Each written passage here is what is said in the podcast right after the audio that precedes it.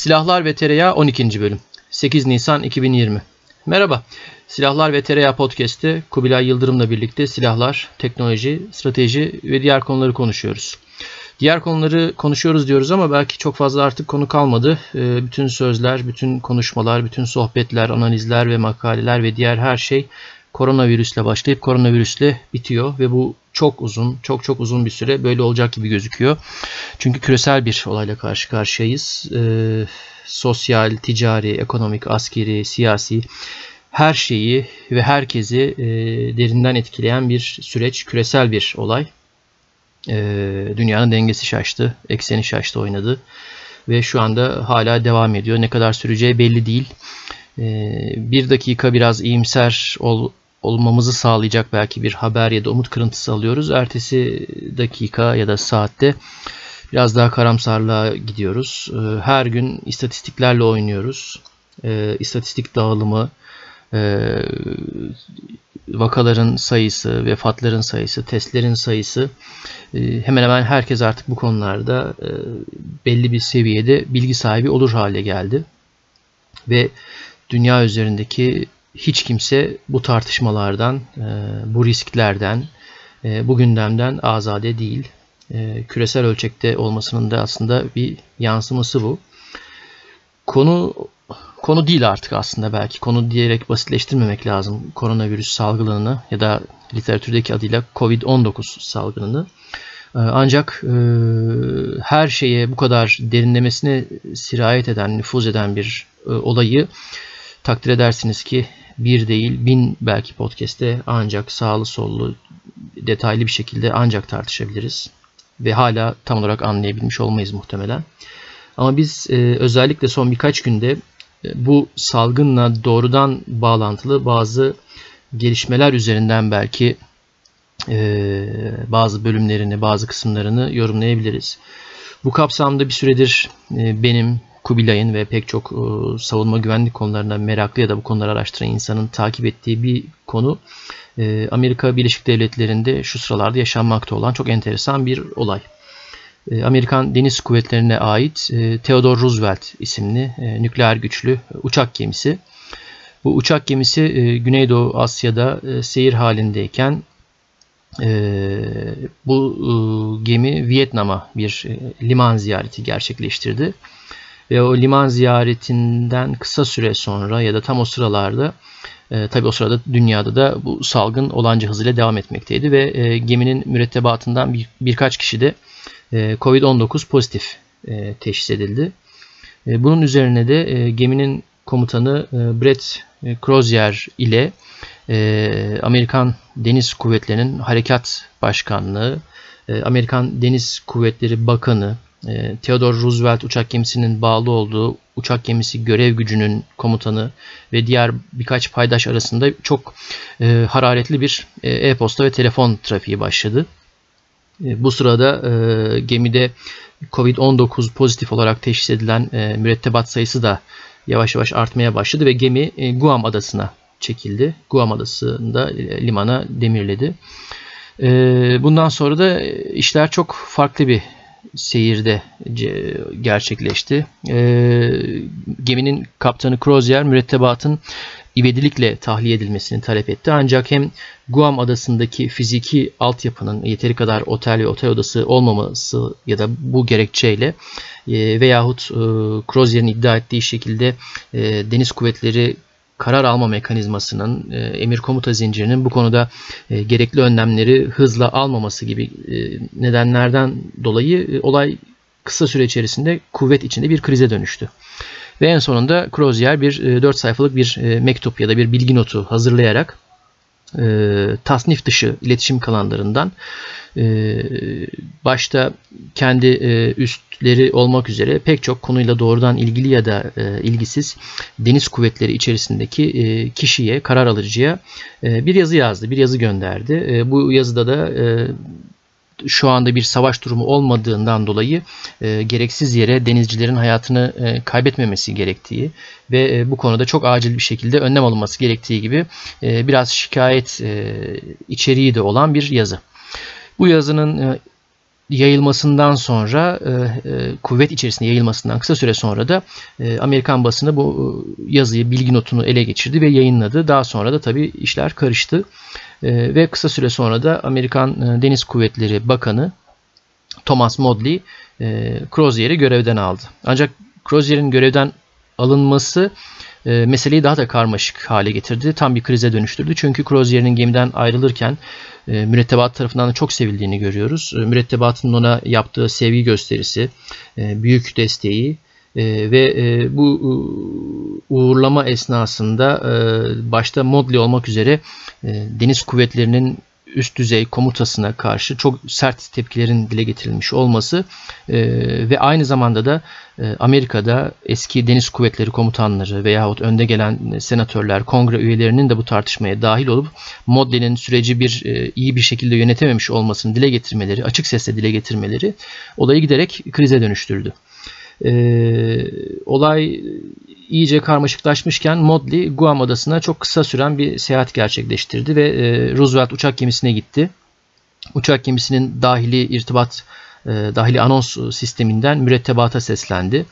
E, Crozier'in e, yanlış kararlar aldığını, kendisinin iyi bir denizci olduğunu ama bu süreci iyi yönetemediğini e, içeren bir mesaj. Ancak bu mesajın bir yerinde de e, eğer Crozier tasnif dışı irtibat kanallarından böyle bir mektup yazdıysa bu mektubun basına ulaşmasını ya düşünemeyecek kadar aptaldı ya da bu kadar naifti gibisinden bir şey, bir ifade kullandı ve bu ifade uçak gemisindeki zaten Crozier'i çok seven mürettebat tarafından çok daha sert bir tepkiyle e, karşılaştı. E, Modley'nin bu konuşmasının dökümü ve ses kaydı hemen sosyal medya üzerinden yayıldı ve olay e, kriz daha da derinleşti. Ve kısa süre sonra da e, Modley gelen baskılar neticesinde e, istifa etmek zorunda kaldı. E, bu arada da e, bu istifadan hemen önce de Amerikan Başkanı Trump meseleyle ilgileneceğini, konunun ayrıntılarını araştıracağını söyleyen bir açıklama yapmıştı. Şimdi bu meselenin büyük bir kısmında tabii koronavirüs vakası var ancak bu küçük olay halen devam etmekte olan bu süreç belki de koronavirüs salgınının salgından sonraki e, muhtemel etkilerinden bir tanesine ilişkin ipuçları içeriyor gibi gözüküyor. O da e, sivil asker ilişkilerindeki belki yeniden bir tanımlamanın, yeniden bir e, düzlem oturtmanın e, habercisi olması e, neticesinde. Amerika özelinde bunu söyleyebiliriz. Ancak muhtemelen diğer pek çok ülke içinde benzeri şey gerçekleşecek. Amerika'da bu olay şu anda e, kuvvet içerisinde asker, sivil ya da üniformalı üniformasız arasında ciddi bir e, ayrışmaya ya da bir krize neden olabilecek e, meyanda gidiyor. Ancak e, salgınla mücadele kapsamında silahlı kuvvetlerin, çeşitli dünya ülkelerinin ordularının üstlendikleri roller, e, pek çok ülkede, pek çok şehirde e, sivil otoritenin e, desteğine orduların tabi doğal olarak gitmesi, savaş dışı askeri harekatlar kapsamında. Ancak bu anlamda e, bazı yerlerde e, sivil otoritenin tamamen felce uğraması ve e, yönetimi ya da kontrolü ya da kriz yönetimini diyelim orduların devralması e, çok farklı bir e, yeni dönemde sivil asker ilişkisi konuşabiliyor olacağımızı en azından bana düşündürtüyor. Ee, sözü çok daha fazla uzatmadan e, Kubilay'a paslamak isterim. Çünkü aslında bu konu e, pek çok farklı boyutta e, bize üzerinde bol bol konuşacak bir malzeme sunuyor. Kubilay sen de benim gibi evdesin. Hashtag evde kal sloganımızı da verelim sosyal sorumluluk kapsamında. Sen ne diyorsun? Nasıl görüyorsun bu olayı? Ben de senin açtığın yoldan direyim. sivil asker ilişkileri, modern devletin tanımı, otoritenin e, kas gücü, kolluğun nasıl e, denetleme e, ve organizasyon yapacağı konuları herhalde önümüzde uzun bir süre daha tartışılacak.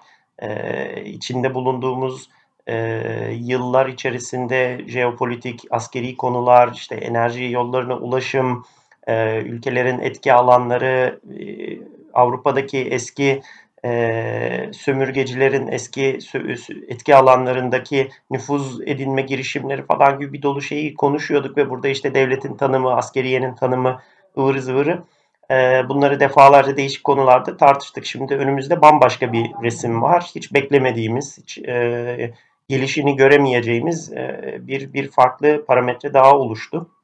Hakikaten böyle bir durumda normal e, ekonomik e, faaliyetlerin, lojistik faaliyetlerin vesairenin kırılma noktasına geldiği alanlarda bunca boğaz nasıl beslenir, insanlar nasıl kontrol altında tutulur vesaire vesaire ve ülkelerin tamamen bu konuda farklı tepkiler verdiğini görüyoruz.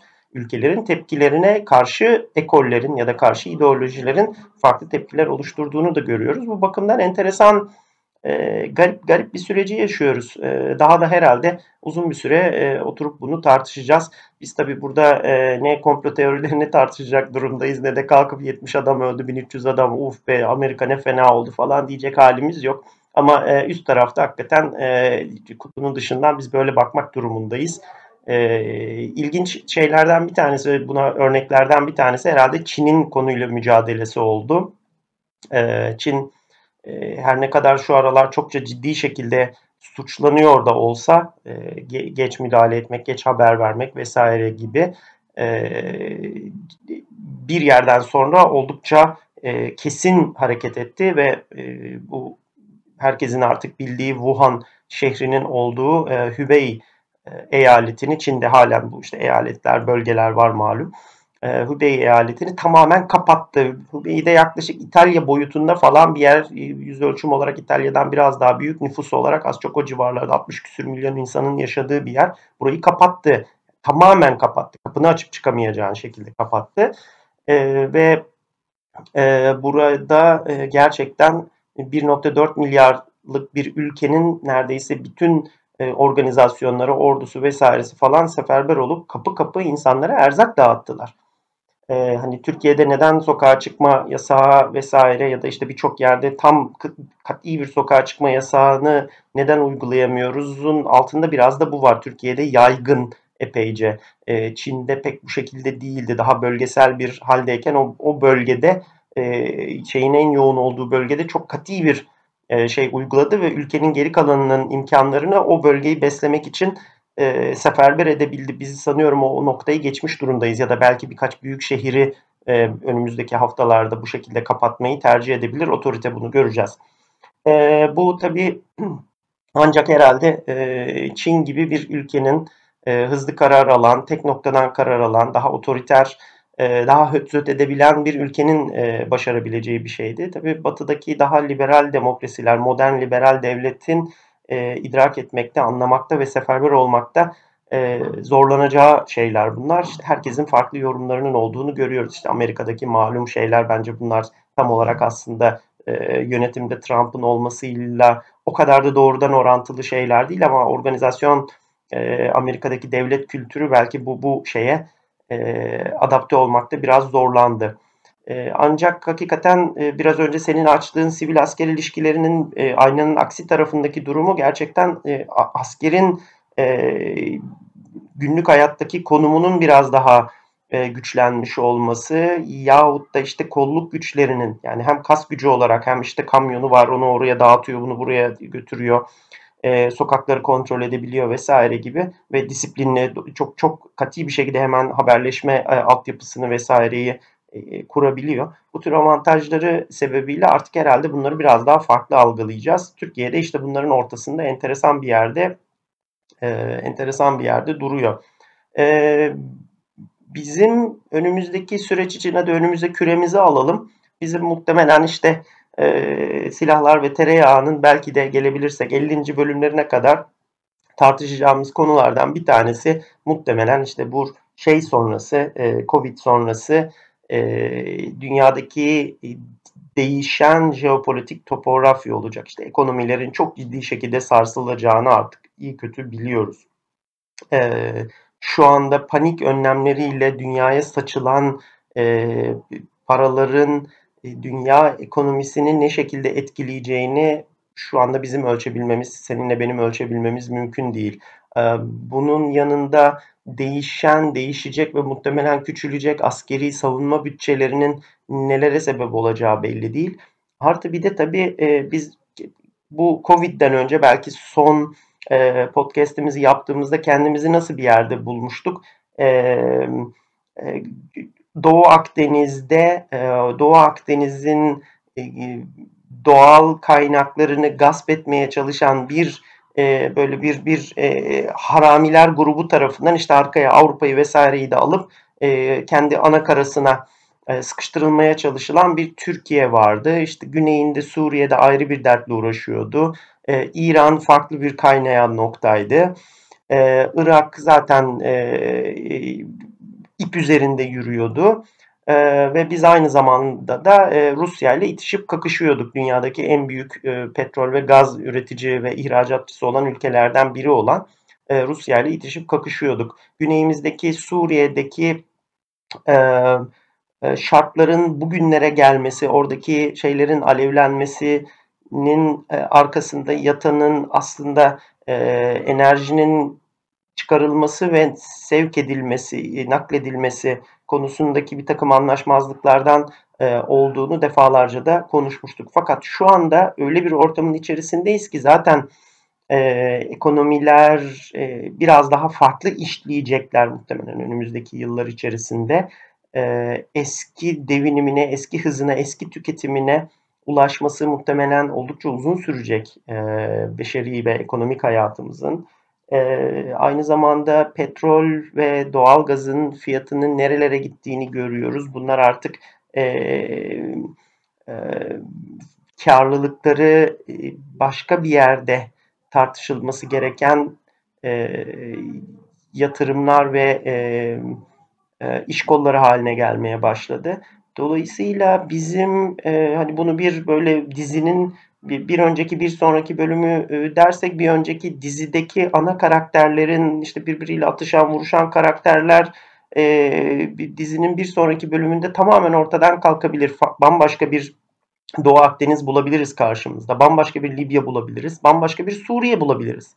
Ee, özellikle Doğu Akdeniz'deki e, doğal gaz ağırlıklı kaynakların e, hacmi ve bunların özellikle Avrupa'ya iletilmesi e, yönündeki e, altyapı maliyetlerinin e, tesisat altyapı maliyetlerinin çok yüksek olmasından dolayı şu ekonomik düzlemde e, Doğu Akdeniz ülkeleri Avrupa'da bunun finansmanını sağlamaya razı olacak bir enayiyi artık bulabilirler mi? Bundan çok emin değildim. İki ay önce sanki zorlasalar, ittirseler olabilecek gibiydi. Zaten bu konuda da herkes birbirini satın alarak özellikle bu e, Doğu Akdeniz'deki bu, bu benim haramiler grubu diyeceğim ekibi arka taraftan da destekleyecek işte petrol parasıyla zenginleşmiş bazı ülkelerin Avrupa'da özellikle satın aldıkları siyasetçi ve e, gazetecilerle e, çok ciddi şekilde nüfuz oluşturmaya çalıştığını zaten görüyorduk ama bundan sonra e, bu e, propagandanın e, satın alanı çıkar mı, çıkabilecek mi, elde o kadar bir e, şey para bulunabilecek mi bundan çok emin olamıyorum. E, lafı uzattım ne demeye çalışıyorum? Biz çok gerilmiştik, çok sıkılmıştık. Hatta bilirsin seninle böyle arada bir e, konuştuğumuzda ben hep şey derdim ya abi şu Kuzey Kore Kuzey Kore bir şeyler yapsa da o tarafa biraz herkes oraya dönse evet. azıcık rahat etsek ya hani çok sıkıldık yani buradan şey pek hayra gidiş değil diye derken işte e, şeyin hani hep söylediği e, tanrı çizmelerini giydi e, ve indi ve biraz gerçi Kantar'ın topuzu kaçtı galiba bu of, sefer evet. ama gerçekten gerçekten çok rahatlayabiliriz belirli aşamalarda bundan sonra hakikaten yok ben işte Türk gemilerini kovalamaya şey göndereceğim diyen bir Fransa vay efendim sen işte benim bilmem nemi e, topuklamışsın diyen bir işte İtalyan gemisi bunlarla karşılaşır mıyız? Yunanistanlar falan filan ne der? Ya arkadaş tamam okey anladık. Tamam öyleydi böyleydi. Hadi oturalım da bunun bir olurunu düşünelim. Belli ki artık birbirimizi itip kalkmaya mecalimiz yok şu günlerde e, diyebilir mi? E, diyebilir. Suriye hakeza e, Burada çok tabii ısınan enteresan bir İran süreci vardı. O bir süre buzdolabına e, kalkabilir. Böyle bir, bir miktar hani hep aradığımız istediğimiz sükunet sürecini e, sükunet sürecini e, belki belki görebiliriz. Ee, sen o işte Doğu Akdeniz'den ya da yeni oluşabilecek denklemlerden, dengelerden bahsederken direkt aklıma dün de kulakların için attığımız e, meşhur Marco geldi. Marco Florian e, İtalyan bir e, karakter, bir iş adamı. E, yanlış bilmiyorsam eşi Yunanlıydı ve Yunanistan'da Selanik taraflarında yaşıyor. E, özellikle sosyal medyada çok aktif. E, bu EastMed projesinde e, projesinin çok ateşli bir savunucusu e, ve burada e, lobi faaliyetleri yapıyor ve kısa süre öncesine kadar da e, çok yeminli bir Türk düşmanıydı, Türkiye düşmanıydı. Hani e, Türkiye lehine ne olursa olsun mutlaka e, karalayan ya da tam tersine Türkiye'nin aleyhindeki her şeyi özellikle Doğu Akdeniz bağlamında e, öne çıkaran propaganda yapan e, bir nevi e, troll ama biraz daha kalifiye bir troll. E, bu salgın İtalya'yı ilk vurduğu zamanlar ben tabii özel merakım e, bu arkadaşı da e, bayağı yakından takip etmeye başladım. E, mesajlarını, faaliyetlerini e, salgının ilk zamanlarında çok e, hırçın bir şekilde Türkiye ve birkaç bölge ülkesine saldırıyordu bu. Hatta bir tanesi çok komikti böyle bu down'lı düzenli olarak işte bir e, görsel paylaşıyor. Görselde işte İtalya'nın dostları var bir tarafta ülke bayrakları diğer tarafta da işte İtalya'ya saldıran İtalya'yı sabote eden ülke bayrakları en başta Türkiye var. E, Türkiye'yi neden o ülkeler arasında e, saymış olduğunu soran birisine de şey cevabı vermişti. Mealen şimdi tam hatırlayamıyorum. E, Türkiye işte salgın başlayınca bize e, yardım gönderme teklifinde bulunmadı. Şimdi hani bundan dolayı bizi sabote ediyor gibi bir açıklaması vardı. Tabi e, vahim, trajik. Ama e, bir süredir Marco Türkiye'ye teşekkür üstüne teşekkür mesajları gönderiyor. Türkiye'nin her gönderdiği yardım malzemesi sevkiyatından sonra işte Türkiye gerçek dostluğunu gö- gösterdi. E, Türk halkına, devlet başkanına teşekkürlerimizi sunuyoruz. Şöylesi böylesi falan filan. Ve hatta daha sonra da daha da ileri gitti. E, EastMed'in aslında e, artık çok e, feasible bir proje olmayabileceğinden böyle dem vurmaya başladı tam olarak az önce e, tarif ettiğin e, stereotipe, e, tipolojiye uyan bir karakter. Yani e, karakterini, e, e, iradesini, düşüncelerini, yönelimini e, satın alabileceğin ya da kolaylıkla yönlendirebileceğin e, böyle bir sürü şahıs ve kurum vardı Avrupa'da ve Amerika'da. E, bu arkadaşların büyük e, geçim zorlukları yaşamaları kuvvetle muhtemel. Çünkü aslında şu anda içinden geçtiğimiz şey aslında sadece korona salgını değil tam bir mükemmel fırtına. İngilizce'de perfect storm olarak tabir edilen bir olgu çok nadir e, doğa olaylarının aynı anda bir araya gelmesi ve bunun üzerine bir doğal afet oluşturması ya da işte çok olumsuz sonuçlar doğurabilecek bir süreç e, oluşturması anlamına gelen bir deyim. Şu anda aslında tam bir mükemmel fırtına içerisindeyiz. Neden? E, salgın başlamadan yanlış hatırlamıyorsam ya kısa süre önce ya da işte e, aşağı yukarı eş zamanlı olarak bir de petrol fiyatları mevzu başladı. Ee, bir de üstüne e, Amerikan Merkez Bankası'nın e, kararları e, doların özellikle gelişmekte olan ülke fiyat, para birimleri karşısındaki değer kazancı, ham petrol varil fiyatının çok dramatik şekilde düşmesi üstüne de salgın nedeniyle Amerika ve Batı ekonomilerinin büyük oranda yavaşlaması ve hatta durması hepsi üst üste geldi. E, şimdiden sonra e, ara bulasın e, zengin körfez ülkesi senin think tanklerini, e, halk ve işler kampanyalarını, Marco gibi şahsiyetleri ya da başta Libya ve Yemen olmak üzere deniz aşırı e, farklı coğrafyalardaki savaşlarını finanse etsin. Libya'nın altını çizdim. Birazdan ona mutlaka değinmemiz gerekiyor. Orada sessiz sedasız bir şeyler oluyor. Daha da fazla şey olacak gibi gözüküyor ama buradan ben şu parantezi açmak isterim. E, bu salgının özellikle Avrupa'daki seyri, seyir şekli ve e, o Avrupa medeniyetinin e, bu salgınla tırnak işareti içinde başa çıkma şekli gerçekten çok vahim ve yani bugünlerin bugünlerde olanların e, vakanüvisler, akademisyenler, araştırmacılar çok e, titizlikle kayıtlarını tutması gerekir. E, o medeniyet en ufak kaos belirtisinde nasıl tel tel döküldü. E, toprağı bol olsun Heath Ledger'ın o canlandırdığı Joker karakterinin deyimiyle her şey plana uygun gittiği müddetçe hiç sorun yok ama bir şey plana uygun olmadığında hemen nasıl paniğe kapıldıklarını görürsün gibi söylediği o e, ruh hali nasıl nüfuz etti görüyoruz.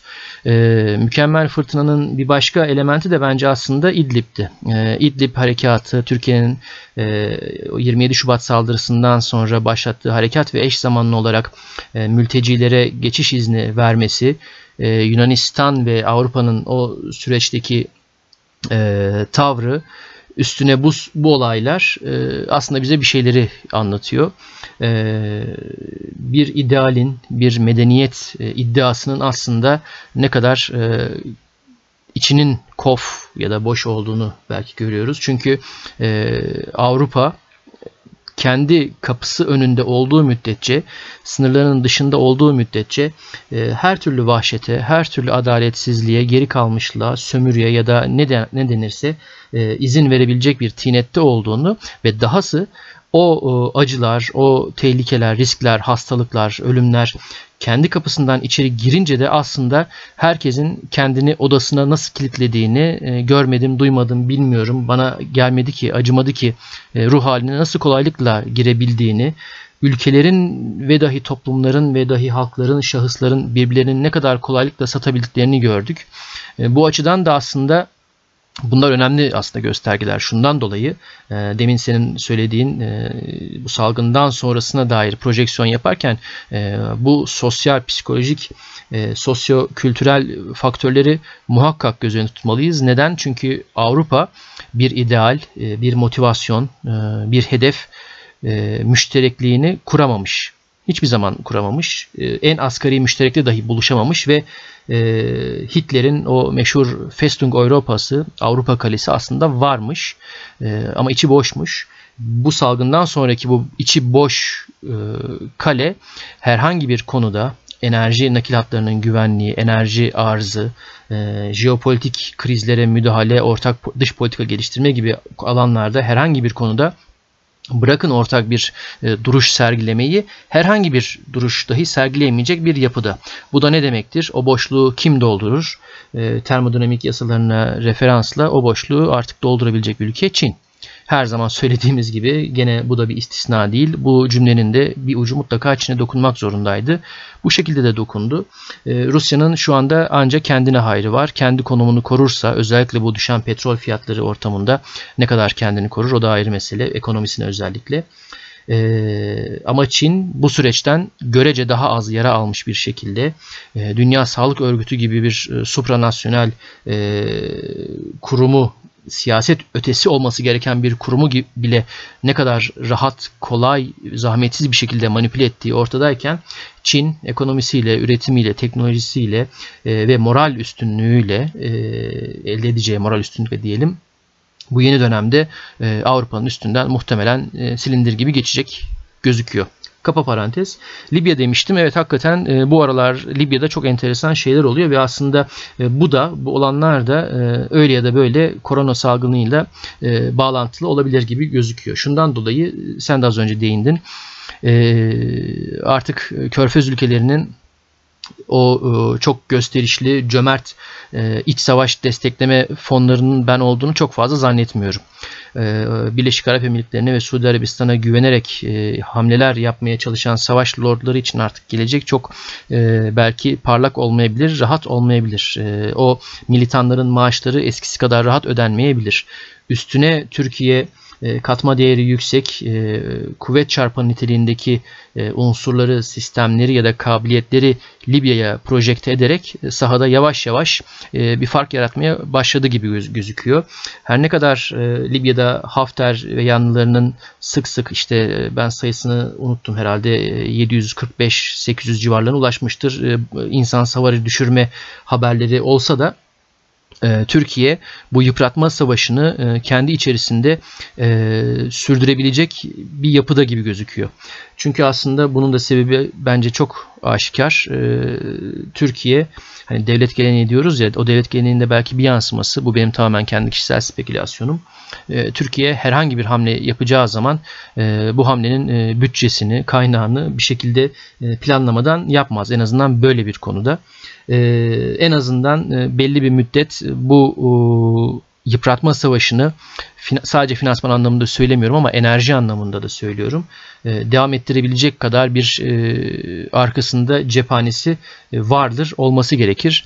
Ancak petrol fiyatlarının bu kadar dalgalandığı, bu kadar aşağı doğru seyrettiği bir ortamda o savaşı finanse etmek bir yana o yıpratma savaşında Türkiye'ye karşı bir üstünlük kurmak Mısır'ın ve Birleşik Arap Emirlikleri'nin muhtemelen kalibresini bir hayli aşacaktır. Günün sonunda sahaya daha fazla müdahil olup en azından e, kazanımlarını korumak için Hafter'i daha agresif, daha iddialı, daha yoğun bir şekilde desteklemeye soyunup e, günün sonunda e, rezil olmak da var. E, dolayısıyla e, bu savaşı belki e, belli bir e, tempoda, belli bir operasyonel tempoda e, tutup bir yıpratma savaşına dönüştürmek e, belki de e, en azından salgın sonrası ortamda o masalar tekrar e, kurulacağı zaman Türkiye için büyük bir avantaj sağlayabilir. Katılıyorum doğru. Ee, hatırlarsan biz de e, Libya konuştuğumuz podcast bölümünde bundan bahsetmiştik. Türkiye'nin aslında tenceresinde kendi e, terörle mücadele ve Suriye operasyonları e, tecrübeleriyle e, şey yaptı, karıştırdığı, pişirdiği bir bir konsept vardı. O zaman Barış Pınarı e, yoktu. Ondan önce konuşmuştuk. Bunu tam olarak dillendiremiyorduk aslında. Doğru, doğru. Ee, ama en azından hani hep senin söylediğin sensor, e, sensor to shooter e, kapasitemiz çok gelişmişti, çok çoklanmıştı vesaireydi falan filan. E, Barış Pınar'ın bunun ne olduğunu gördük. Hakikaten şey e, broşür gibi çıktı karşımıza. E, bizim ilk zamanlarda Libya ile ilgili hararetin arttığı zamanlarda hep işte gemilerdeki zırhlı personel taşıyıcıları bilmem neler falan filan gözüküyordu e, oluşan hava sanki oraya iki Tugay göndereceğiz, orada sahada olacağız falan gibi bir şeydi. Belki de bunu e, Türkiye olarak biz böyle bilinsin, sanılsın istedik. E, o zamanlarda e, biraz önce andığın bu İtalyan Marco Florian'ın bir şeyi vardı. İşte Türkiye'nin ekonomik gücü burada işte şeye karşı emirliklere vesaireleri gerçi onları pek anmıyor ama daha çok hani Fransa, İtalya'yı da bu bu şeyin bir Avrupa ekolüne karşı e, bir duruş olduğunu iddia ediyor bizimkinin. E, Türkiye'nin bütçesinin e, büyüklüğünün, kuvvet aktarım kapasitesinin falan da zaten bunlarla boy ölçüşecek seviyede olmadığını sürekli iddia ediyordu. Ama aslında Türkiye'nin orada boy ölçüşmeye çalıştığı şey Fransızın bilmem nenin falan filan şeyleri değil. Hakikaten e, e, Suud ve e, Emirlikler ikilisinin özellikle Mısır üzerinden ya da işte sağdan soldan satın aldığı, kiraladığı adamları sağa sola gömmesiyle falan e, yürütmeye çalıştığı bir e, vekalet operasyonu olduğunu biz biliyoruz ve buna karşı maliyeti oldukça düşük bir şekilde e, Türkiye gerçekten e, sahadaki etkisi çok büyük olan bir operasyonu e, bir operasyon mekanizmasını tesis etmeyi başardı gibi görünüyor ve dolayısıyla şimdi bizim de tabii e, bir tekrar Marco'ya mesela gıyabında bir e, soru sorma hakkımız oluyor. Bakalım hakikaten oradaki şeylerin, emirliklerin vesairenin bu bu kadar e, sahada e, teçhizat, malzeme, insan kaybına rağmen e, uzaktan, bu kadar uzaktan bu, bu savaşı yürütmeye emirliklerin vesairelerin falan e, şeyi var mı? E, bütçesi ve insan kapasitesi, e, hacmi yeter mi? Çünkü bunların e, para muslukları iyice kısıldığı zaman ne bunları İtalya şey yapar ne Fransa destekler falan filan ne de Yunanistan'ın e, buradaki dengeleri tahtrevallinin e, bir tarafına ya da öbür tarafına geçmesiyle dengesini değiştirebileceği bir mecali var. E, demek ki pek kazın ayağı öyle değilmiş hakikaten. E, ama bunlar uzun süreçler. Biraz önce de konuştuğumuz gibi bakalım bu Covid meselesini atlattıktan sonra nasıl bir e, şartla karşılaşacağız e, hakikaten birileri e, satın alacak enayiler bulabilecek mi falan filan o satın alacakların paraları hakikaten kalacak mı onları göreceğiz. Ee, her şey değişiyor ve bizim algılayabileceğimiz e, kap, algılama kapasitemizin ötesinde bir şekilde bir hızla değişiyor. E, gerçekten de sürmenaj olduk aslında. E, çünkü konuştuğumuz, düşündüğümüz, tartıştığımız her şeyin öyle ya da böyle sağında solunda korona olacak gibi. E, hayatlarımızı etkileyen boyutuna bir e, ufak değinip kaçmak gerekirse e, işte seninle konuşurken bir yandan notlarıma bakıyordum. Dün şeye bakmıştım. E, Flight Radar sitesine e, bu meşhur işte bunun gibi birkaç site daha var galiba. Hava trafiklerinin gerçek zamanlı olarak internetten takip edilebildiği bir site. İşte Türkiye üzerinde e, neredeyse transit geçenler hariç e, hiçbir hava trafiği yok gibi bir şeydi. Birkaç ufak özel jet ya da işte belki e, resmi uçak dışında. Aynı şekilde Avrupa'da da hava trafiği büyük ölçüde donmuş durumdaydı. hemen hemen tüm e, hava yolları özellikle büyük büyük olanlar e, uçaklarının %80'ini 90'ını şu anda yerde tutuyorlar ve e, muazzam zararlar ve taksimetre devamlı çalışıyor. E, o zarar hanesi devamlı büyüyor. E, salgının Amerika'yı ilk vurmaya başladığı sıralarda yanlış hatırlamıyorsam e, Amerikan Hava Yolları'ydı galiba. CEO'su canlı yayında işte devlet bize yardım etsin falan diye e, çağrılarda bulunuyordu. E, Lufthansa'nın CEO'su da yakınlarda çok benzer başka karamsar bir tablo çizdi.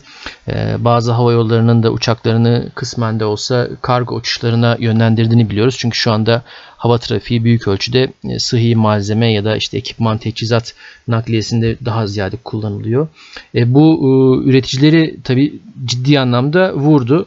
Burada da bir başka mükemmel fırtına da aslında Boeing için olmuş gibi gözüküyor. Çünkü tam bu 737 MAX olayının üstüne şimdi bir de hem siparişlerin hem e, şeylerin e, trafiğin kesilmesi Üstüne Boeing'in zaten bir yönetim değişimi ya da bir e, kurumsal değişimi söz konusuydu. E, bayağı bir o anlamda da e, hava yolu ya da havacılık e, anlamında da salgından sonra e, taşlar hani komple e, yıkılıp dökülmese de epey bir yerinden oynayacak gibi gözüküyor. E, bir onları e, kurtarsa kurtarsa e, İsrail'in e, 8 tane tanker uçak KC-46'sı belki onlara can suyu olur ama onun dışında salgın sonrası dönemde Boeing'i de galiba oldukça zor zamanlar bekliyor.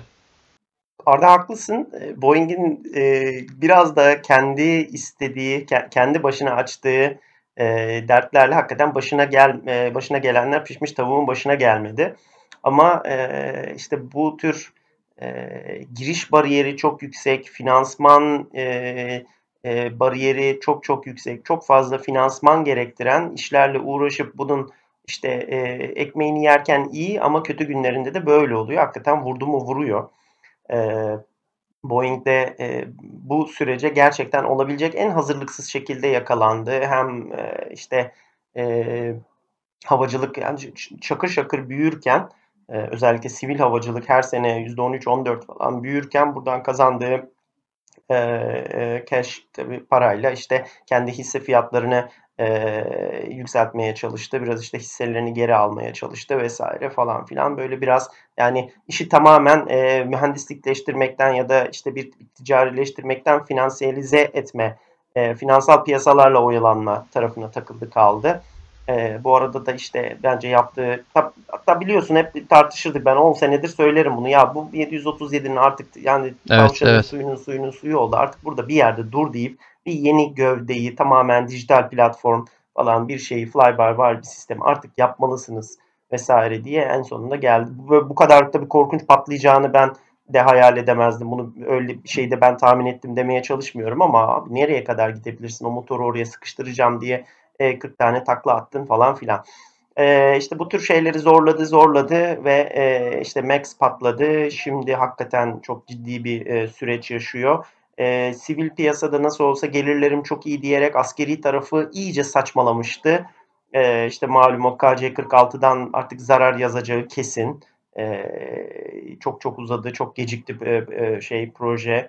E, aynı zamanda işte e, çok 3.30 paraya neredeyse zararına Amerikalıların e, eğitim uçağı ihalesine Saab'la birlikte teklif verdi. Kazandı. İşin neredeyse mühendislik kısmının yarısını Saab'a yükledi falan filan. Şimdi bakalım o e, projeyi para kazanabilecek hale gelinceye kadar cebinden finanse etmesi gerekecek. Onları başarabilecek cash rezervi kaldı mı vesaire. Bunların hepsi ayrı konular. E, ama Boeing tabii e, aman ne hali varsa görsün diyesim geliyor. Bizim buradaki tabii etkileneceğimiz şey Türk Hava Yolları ve e, şeyin e, tacın e, en büyük elması İstanbul evet. Havalimanı. Evet. E, çok büyük bir yatırım. E, hava, havacılığın genişlemesi projeksiyonu üzerine e, ve Türk Hava Yolları'nın genişleme e, öngörüleri üzerine yapıldı. İstanbul Havalimanı'na İstanbul'un ihtiyacı yoktu aslında. Orası Türk Hava Yolları'nın bir hub'ı olarak yapıldı ve İstanbullulara da biraz külfet getirerek yapıldı ama asıl milli bütçeye tabii ciddi bir külfeti olacak gibi görünüyor. Çünkü e, çeşitli yolcu garantileri var, çeşitli kredi geri ödemeleri var vesaire. E, bakalım e, havacılık dediğimiz şey yaklaşık 7 ila 10 yıl içerisinde sürekli bir e, döngüsel seküler döngüsel bir şeyi vardır. E, yükselir iner işte 90-91'de malum o koskoca e, şimdiki bildiğimiz havacılığı havacılık yapan Amerikan Hava Yolu tabii, Panam'ın tabii. E, batmasını düşünelim. 11, 11 Eylül beklenmedik bir şeydi ama 11 Eylül'de hakikaten çok ciddi bir yara aldı e, havacılık. 2008-9 krizini çok kötü atlatmadı e, ve aslında ciddi bir şekilde de e, büyümeye devam ediyordu. E, pek de son 10-11 senede yaşadığı e, büyüme de daha önce pek eşi benzeri e, olan bir büyüme değildi. Bunun bir yerde tekleyeceği, biraz işte sıkılacağı belliydi. E, Çin'deki çünkü e, yeni uçak siparişleri vesaireler falan epey sıkıntıya girmişti zaten. E, bu korona e, mevzusundan önce. Fakat korona gibi bir şey hiç hesapta yoktu. E, bu e, seküler olmayan e, şeye dışarıdan gelen 11 Eylül gibi çok ani bir darbe. E, bakalım Ee, nasıl atlatacağız. Son olarak şeyi ben ekleyeyim. vatandaşları 2008-9 olarak, gibi e, e, bu özellikle Birleşik Arap Emirlikleri'nde e, bir ara çok ciddi bir kriz olmuştu. E, Finansman krizi, kredi kriziyle birlikte e, oradaki ekspatları çok etkileyen bir şey olmuştu ve e, o dönem işte orada çalışan arkadaşlarımla da çok çok e, sohbetini ediyorduk. Bu e, Emirates yanlış hatırlamıyorsam bayağı olumsuz etkilenmişti ve e, taşıdıkları yolcu miktarı falan bayağı düşmüştü. O zaman şey söylenmişti işte onlar da çok e, gösterişli bir hava limanı, Dubai Havalimanı ile birlikte o havalimanı merkezinde bir büyüme stratejisi izliyorlardı. E, o dönemde işte Emirates e, bol miktarda Airbus A380 almıştı, almaya devam ediyordu ya da. Bu kadar zor durumda olan bir havayolu niye böyle yatırım yapıyor diye. O zaman şöyle söylemişti oradaki benim çalışan arkadaşlarım.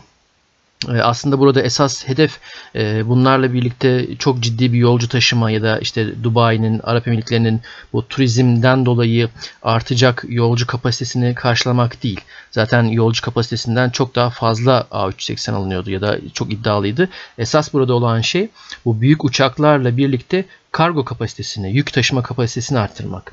E, Dubai Havalimanı'nı o anlamda bir merkeze dönüştürmekti ti ama tabi bu hedef ne kadar gerçekleşti bilmiyorum. Zaten İstanbul Havalimanı'nın da e, öncelikli hedeflerinden birisi biraz da bu Dubai gibi bölgesel e, hub'ları e, hub'ların e, belki üstünlüğünü ele geçirmek ya da onlara karşı daha cazip avantajlı bir alternatif olmaktı. E, umalım ki salgın sonrası şekillenecek yeni ekonomik yapıda ya da e, üretim yapısında Çin'in Avrupa'ya az önce bahsettiğim o e, istilası gerçekleşsin ve o istilanın bir parçası olarak da belki o yağmurdan biz de kendi kabımıza birkaç damla dolduralım. E, aksi takdirde e, bir kere şu garanti e, dünya biraz kısa sürmeyecek bir ekonomik daralma sürecine girecek. Taşlar ciddi anlamda hani ya bu bu ifadeden de artık çok sıkıldım ama yani taşlar gerçekten de yerinden oynayacak.